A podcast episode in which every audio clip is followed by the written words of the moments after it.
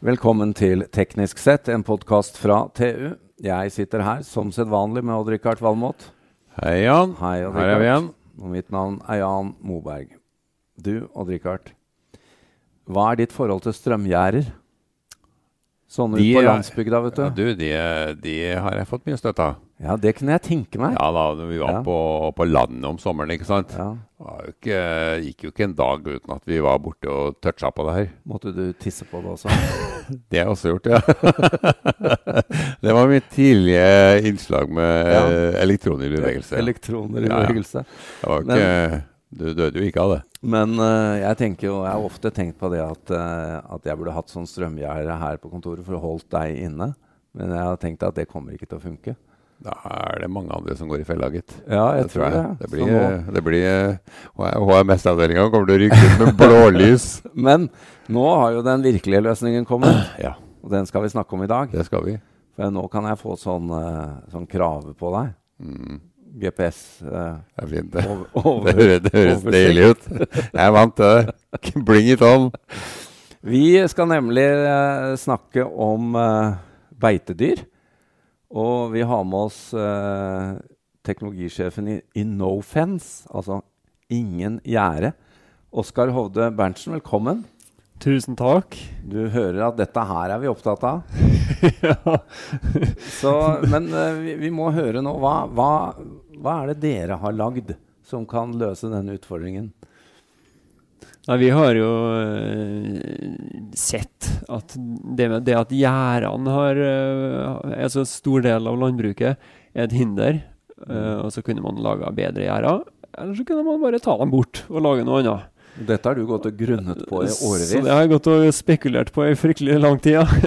Vi snakker 20 år, gjør vi ikke? Eh, Ja, det Ja. gjør vi nok i hvert fall. Mm. Så det vi har, er jo et, eh, en, eh, et halsbånd som vi henger på beitedyr, som piper når de eh, beitedyra går ut av det området som bonden har Ja. bestemt at de skal være innafor. og da går de tilbake til det de kom fra, for de har lært seg at hvis ikke så kan de få Eller så får de strømstøt, da. Fra kraven. Ja, Ja. så eh, suksessen er jo at de forstår hvordan de skal unngå det strømstøtet. Nå må, nå må vi eh, opplyse lytterne her om at eh, sånn jeg har skjønt det, så begynte dere da med geiter. Ja. Ja. Fordi de er ganske uregjerlige, akkurat som Odd-Rikard her.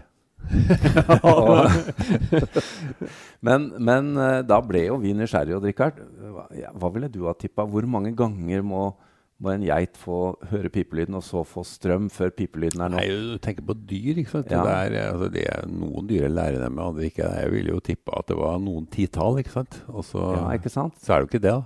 Nei, hva, hva, hva er svaret? Svaret er at det varierer en del, men eh, det er nok ytterst få som får mer enn eh, fem, og Ja. noen som får ingen fordi de lærer av mora eller kompisen som har brukt det lenger, eller Ja, så de Vi ser det at de lærer av dem de går sammen med. Det, det syns jeg inn, så er det retur. Ja, ja. Ja. Ja, altså, oi, det er pip, og da går de tilbake. Ja, ja, men da Da har de bare hørt om hva som kan skje. Du, Det syns jeg er nesten det mest fantastiske av alt. At du kommer ned på null. altså, fordi Ja, at de utveksler erfaring. De, mange, mange dyr er smartere enn vi gir dem kreditt for. Ja, og det er jo Jeg syns jo din beskrivelse, Oskar, av geitene som en ganske uregjerlig dyrerase, er jo Det er jo ikke så rart at dere begynte med den, da. Nei, det er mange som syns det er veldig rart uh, å starte bedrift og prøve å levere et produkt som, til noe som nesten ikke finnes i Norge. Og ikke noe økonomi i det. Men uh, vi anser det for å være veldig smart, for det er med tamme, gode dyr å ha med å gjøre. Og så er de litt sånn eh, et symbol på utmarksressursutnyttelse. Og så har de en eh, Folk flest eh, tenker med geiter om at det er umulig å ha geiter, for de kan ikke gjerdes inne. Nei. Og Det er vel litt sant. En periode i historien så var det jo forbudt å ha geit i Norge. fordi de, de ødelegger eh, så Ja. mye. Jeg har, jeg har stor glede av å gjøre ugagn, eh, har jeg skjønt. ja, veldig stor glede av det. Men før vi går over til andre raser, da, så, så hvor, hvordan virker dette her? Hvor mye strøm er det disse dyra får hvis de går utover pipelyden?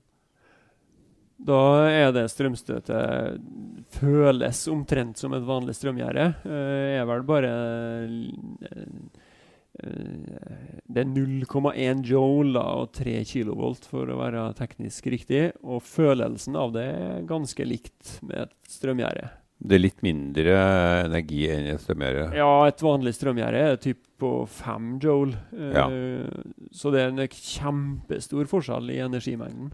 Du får det jo rundt halsen da, Richard. Mm.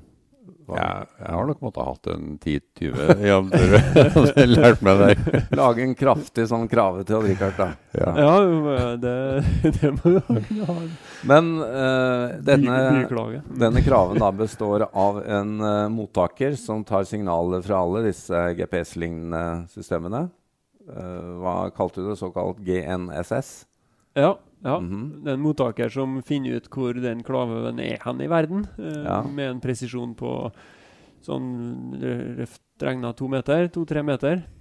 Og så eh, bruker man både det amerikanske GPS og det russiske GLONAS og det europeiske Galileo-systemet for å finne den posisjonen nøyakt, så nøyaktig som mulig uten å ha noe sånn ekstraapparat i terrenget. da. Ja. Ikke noen lokale målestasjoner. Nei. Mm. Men eh, så må dere ha batteri. Uh, du må jo ha noe uh, kommunikasjon. Ja, vi kommuniserer over mobilnettet, så det må være mobildekning der dyra går. Og så er det solpanel som lader et batteri da, som holder det her i drift gjennom beitesesongen. Er solpanelet nok til å forsyne strøm? Ehm, n- veldig nesten. Og i løpet av året så, så har vi tenkt at da har vi kommet med utviklinga så langt nok at da har vi Da lever det uten lading fra ekstern. Mm. Du, er, er, er det strengt tatt nødvendig å ha mobildekning hele tida? Det du trenger, er jo GPS-signalet og, og på en måte programmert inn hvor gjerdet går.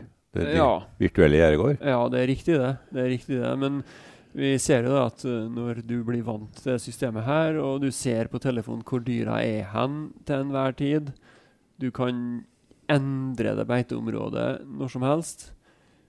De tingene der får du ikke hvis du ikke har mobildekning. Nei, det ser jeg, men altså om dyra er ute av dekning i eh, et kvarter, det Ja, ja, nei, det går helt greit. Ja. Dyret kommer ikke til å merke noe til det. Nei.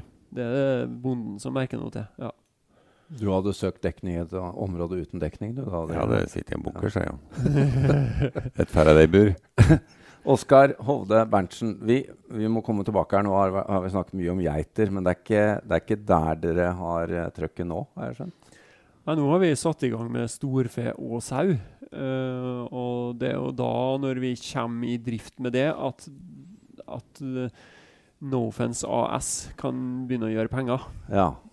Så det er jo der vi fokuserer nå fremover. I år eh, kjører vi pilotprosjekt, så neste år tenker vi å ha det kommersielt tilgjengelig. Ikke bare i Norge, men òg noen utvalgte land. Så, men Norge er jo selvsagt hovedfokus. I, Norge er hovedfokus. I år fokuserer vi nesten utelukkende på Norge, og så starter vi så smått i utlandet etterpå. det. Mm. Odd Rikard, en eh, norsk eh, bedrift. eh, dette er jo kjempespennende. Ja, det er, det er virkelig det, altså. Og det revolusjonerer jo landbruket. Se på hvor mye penger som brukes for å sette opp gjerder Ja. i mange land. I Norge har vi jo, slipper vi jo dyra uten gjerde. Og det er jo måten å, å ha sånne virtuelle gjerder er må jo være helt fantastisk. Ja, det er, det er mange plasser, kanskje ikke det verste i Norge, men i mange plasser i verden så er jo dyr inne i fjøsen og blir servert maten sin rett og slett fordi det er så kostbart å ha dem på beite. ja. På grunn av gjerdehold, først og fremst. Uh, og vi, vi tenker jo som så at det er nå en grunn til at dyr har føtter, da. ja. For å finne maten sin sjøl fra naturen. Ja, det, det tenker jo vi at er bærekraftig eh, når, når det blir bære, mer utbredt å drive, ha dyra på beite. da. Også mye bedre for dyra, da. Mye bedre for dyra. Frittgående, som vi kaller Ja. det. Ja. Mm. Men eh, hva er Hvis jeg er eh, driver med storfe, da. eh, er min innfallsvinkel på dette at jeg slipper å sette opp gjerde? Eller eh, hvor er det jeg sparer pengene og får den store gevinsten? Um, det er mange måter å regne det på. men Det er klart uh, det å sette opp gjerde er jo kanskje det mest umiddelbare. Du slipper å gjøre det. Ja.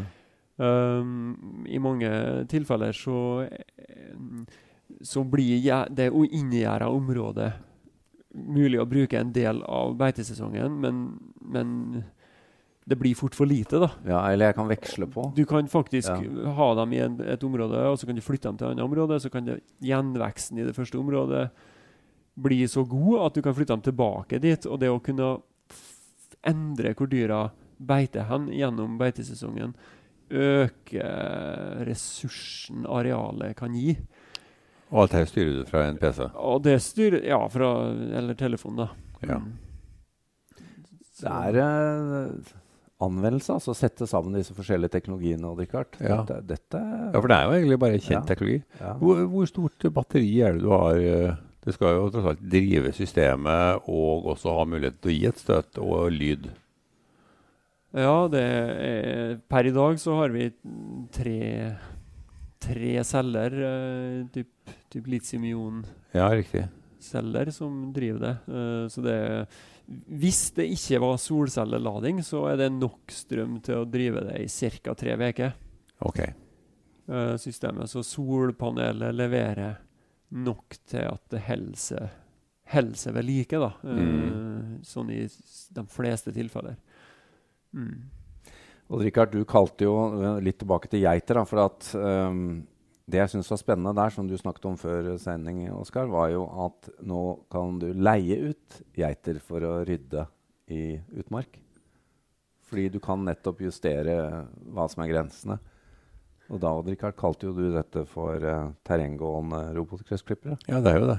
Ja. Dette Det er er, jo kan jo, det det hopper jo virkelig over steiner. Og, Ja, ja. så det, du skal ha en ganske avansert robotgressklipper for å matche geit, altså. Ja, ja, Statnett har jo oppdaga det her og faktisk eh, leid inn en del geiter til å holde linjetraseene eh, Nede, fri. Holde Ja. dem nede, så, så det blir mindre behov for motorsagarbeid. da. Og da er det jo noen geitebønder som gjør gode penger på det. da. Og de tjener mer på det enn på eventuelt salg av kjøtt. Ja. Det er dem som, dem som har gått inn på sånne avtaler, vi, viser seg at det der veldig fort blir hovedinntektskilden mm, på, i drifta. Så dette vil man altså, øke geiteholdet i Norge. Ja, det ser vi tegn på allerede. At Ja. det blir flere geit i Norge pga. det der. Mm. Vi gror jo igjen. Så det er om å gjøre at folk begynner er å spise geitekjøtt, eh, faktisk. Ja, vi har ikke noen tradisjon for det i Norge. Geiteburger. Ja. ja, men det skyldes vel sannsynligvis at, vi, at geit har vært lite tilgjengelig. Ja, det tror jeg det gjør. Sauen har overtatt. Og uregjerlig og vanskelig å holde orden på. Ja, klart det. Um, to ord om Nofence, eh, Oskar. Altså Nofence AS, eh, som da ligger et sted mellom Molde og Kristiansund. Ja. Ja. Ekte nordvestlandsk startup. Mm, i, i det vet jeg ikke, men det er noe, i hvert fall vi har nå starta opp i Battenfjord, på Batnfjordsåra i Gjemnes kommune. Ja, Midt i bygda. Midt i utkanten, kaller Ja. jeg det. Ja, ja. Eh, vi setter veldig pris på at du kommer hit til oss i, i Oslo og snakker om dette her. Men dere er eh, 13 ansatte og har nå eh, hvor ansatt eierskap har fått inn investorer og skal ta dette videre ut i verden. Hva, hva er neste steg nå?